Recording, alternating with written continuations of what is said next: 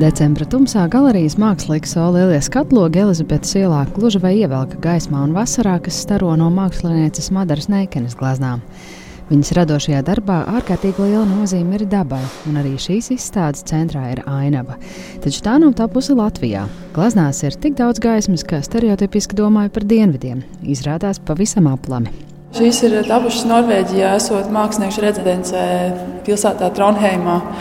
Un, jā, nu, bija šis brīnišķīgā vieta, kur redzēt šos fjordus un, un ielikt tos gleznos. Cik interesanti. Es pēc tam krāsām domāju, ka tās ir dienvidu jūras un pludmales.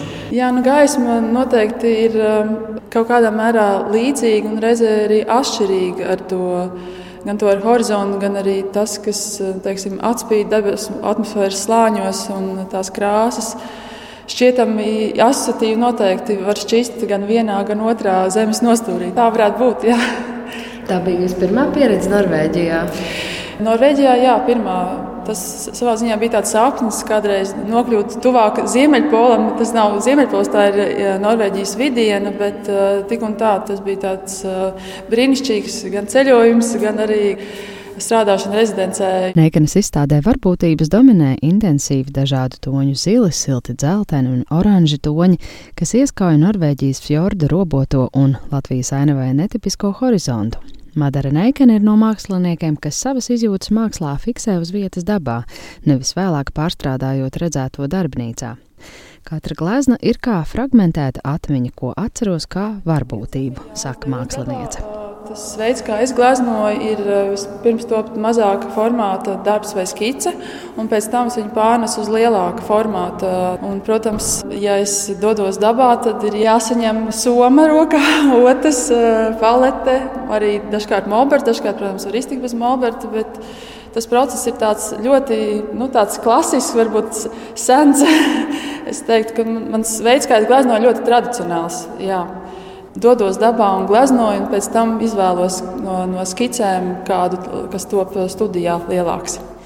Man uzmanību īpaši piesaista kāda no gleznām, kas šķiet neraksturīga skarbajam ziemeļu skaistumam. Te redzam ļaudis, kas sauļojas pludmalē. Jā, tā bija tāda retā diena, varētu teikt, ka tādas trīs dienas bija, kad es teiksim, novēroju to, ka ir šī ir cilvēku vēlme būt pie fjordiem krastā un pavadīt laiku. Un, jā, tas, tas, tie, tie, šie ir divi pretpoli blakus šīs gleznas, kad ir ļoti, ļoti daudz ļaužu pūļi, kuri vēlas baudīt peldes, un, un tad diena, kurā ir reti kāds pie fjordu krasta.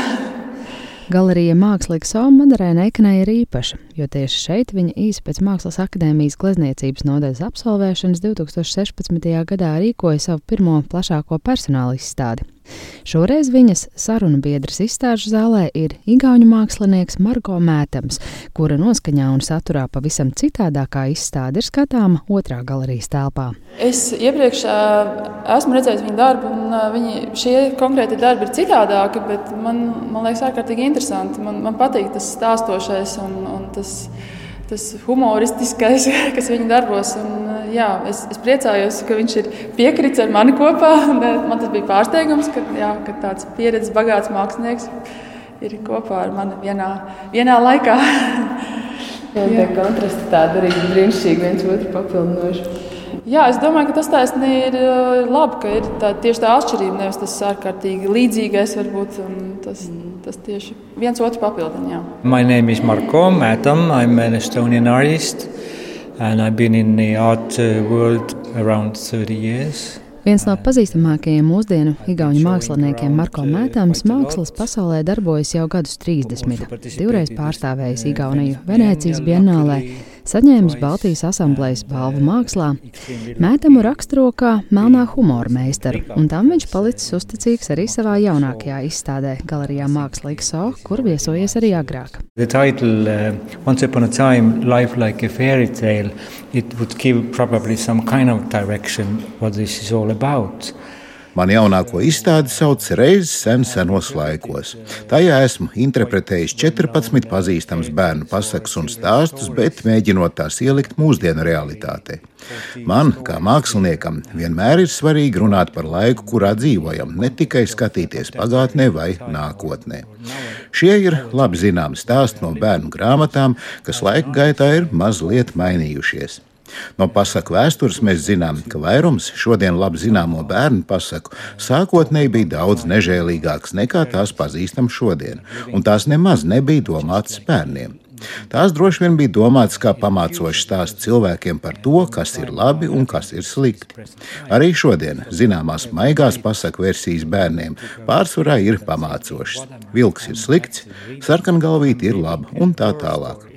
Atceros, kad mani bērni bija mazi, pirms miega lasīju viņiem pasakas un domāju, ko es te lasu. Tie taču patiesībā ir glīti iesaņoti šausmu stāsti. Savā mākslā Marko Mētams strādā ar dažādiem medijiem, tā skaitā fotografiju, tēlniecību, animāciju, glezniecību un tekstu.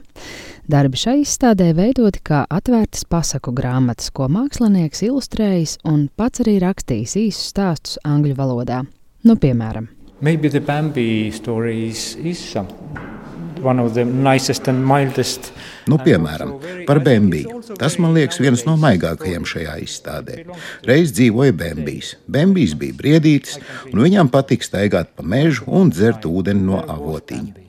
Bembijam bija daudz draugu, jo viņš pats bija ļoti draudzīgs. Kādu dienu viņš mežā uzgāja cilvēka galvaskausu un dažus kaulus. Bembijs nezināja, ko par to domāt. Apostīja kaulus, pasmaidīja un gāja tālāk. Jo Bembijs nezināja, ka līdzās labestībai pasaulē eksistē arī ļaunums, kari un drausmīgas pandēmijas. Evil wars and terrifying pandemics also exist in the world. I can also read another one, which Please, is one yes. of my favorites because I have had a lot of uh, problems with dentists in my life. I'm already in the age that I. Vai pasaka par zobu feju. Šī ir viena no manām mīļākajām, jo man savā vecumā ir daudz nācies iet pie zobārsta. Tātad, reiz dzīvoja zobu feja. Viņa bija ļoti bēdīga, jo katru reizi, kad kādam bērnam izkrita zobs, viņai nakts vidū bija jālido turp un šis zobs jāsavāc. Tas bija ļoti nogurdinoši un kaitinoši, un vispār naktīs viņai gribējās gulēt. Tāpēc vienreiz viņa nolēma, pietiek.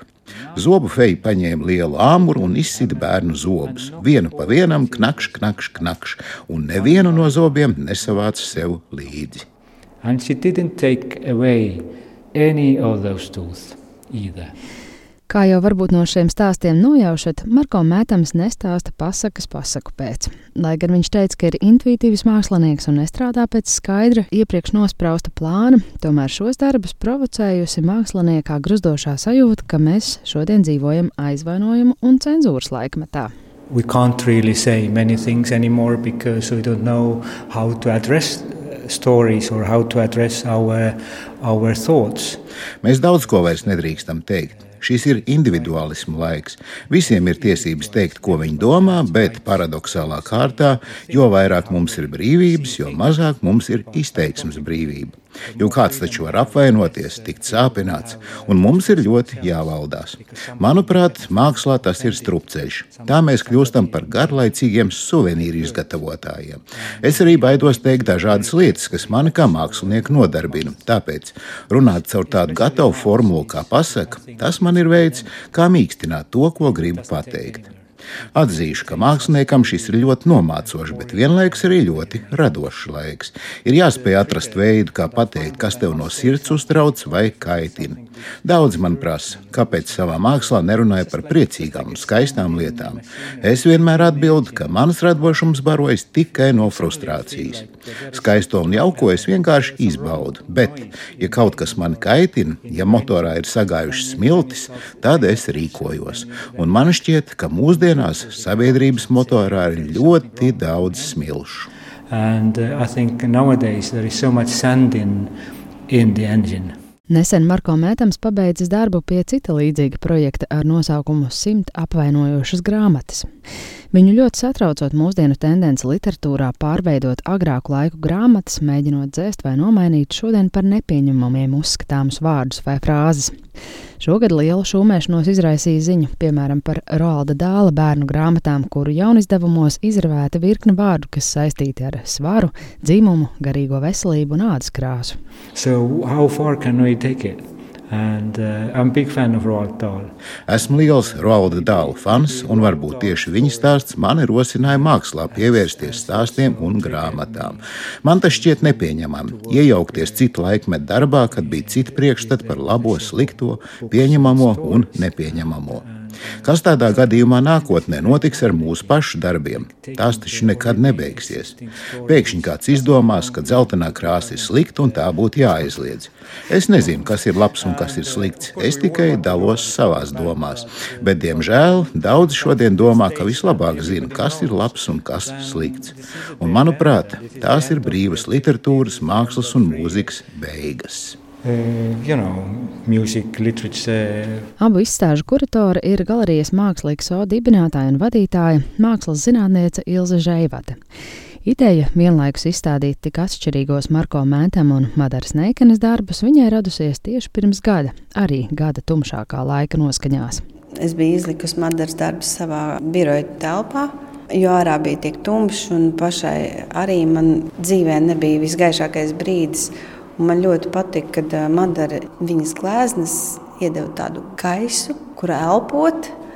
Un Marko savukārt bija šeit izstāde kopā ar Helēnu Henriksoni. Daudz cilvēku gāja cauri visām telpām, vienkārši pie Madaras kabinetā. Un man viss saslēdzās, ka, man, jā, ka es gribu Madarai, lai viņai būtu atkal Baltajā zālē izstāde. Un Marko savukārt tajās dienās, kad viņš būvēja iepriekšējo izstādi, Viņš staigāja pa Rīgas pilsētu un teica, ka nu, jā, es tagad strādāju, zīmēju tādas skices. Man tāda ideja, kad ilustrēt um, pasaules pasakas. Es teicu, ārpus ideāli. Viss saslēdzās, vajag to taisīt uz Ziemassvētkiem. Un tā tās izstādes abas divas ir tagad uz Ziemassvētkiem. Madara ir tik tīra un tik daudz gaisa tur ir un gaismas. Un Marko savukārt dara to, ko latvieši nedara, pasmējās par sevi, un kas ir ļoti veselīgi, lai vispār mēs dzīvotu. Un varbūt tāpēc šī ir Marko 4. izstāde manā galerijā. Kad tad, kad atbrauc Marko, es smējos līdz asarām un attīros no tā stresa, kas man ir. Es arī visus, visus aicinu, kas apmeklē šo izstādi, izsmieties tiešām caur asarām, jo tas attīra mūs visus. Madaras Neikenes varbūtības un Marko Mētama reizes sensenos laikos galerijā Mākslīgs Sau būs skatāms līdz 6. janvārim.